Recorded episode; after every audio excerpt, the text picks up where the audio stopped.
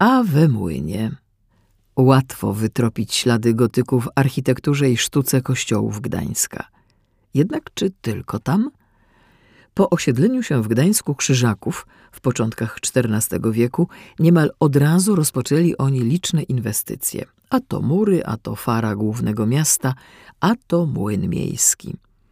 Oczywiście wielki, odpowiednio do rosnących aspiracji i potrzeb rozwijającego się miasta. Aby jednak mógł te potrzeby i aspiracje zaspokoić, musiał mieć łatwość operacji, do czego potrzebna była woda. W odległym o dwa dni drogi wozem konnym, bo konno wystarczył jeden dzień, zamku w Malborku, taka woda została doprowadzona już wcześniej kanałem, a więc i w Gdańsku należało tak postąpić.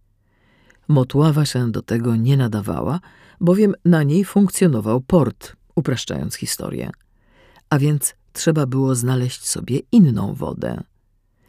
I tak w odległości ponad trzech mil, około 12 kilometrów, mila pruska, chełmińska, równa się 3766 metrów, wartości z połowy XV wieku. Na południe od Gdańska, w zakolu rzeki Raduni, nieopodal Pruszcza, rozpoczęto budowę kanału do Gdańska, dziś znanego jako kanał Raduni. Kanał Raduni miał nie tylko służyć rozruchowi młyna, lecz także dostarczać wodę pitną do miasta, a także zasilać fosy i odprowadzać nieczystości. Na Starym Mieście, nieopodal kościoła świętej Katarzyny, na rozwidleniu kanału utworzono wyspę, którą nazwano Tarczą. I na tej to wysepce wybudowano gigantyczny zakład przemysłowy – Wielki Młyn – jego kilkupiętrowe poddasze było magazynem zarazem zbożowym i na mąkę. Młyn posiadał najpierw dwanaście, a potem aż dziewiętnaście kół obracanych wodami rozwidlonego kanału. W połowie XV wieku pracowało tam aż dwudziestu dwóch ludzi.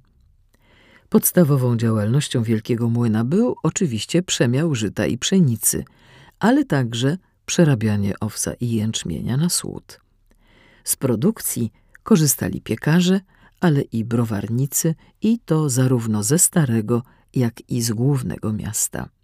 Warto odnotować, że w ciągu roku młyn przerabiał 7 tysięcy łasztów, czyli 15 505 ton. Jeden łaszt równa się 2215 kg. Warto o tym pamiętać, tropiąc gotyk przy wielkim młynie.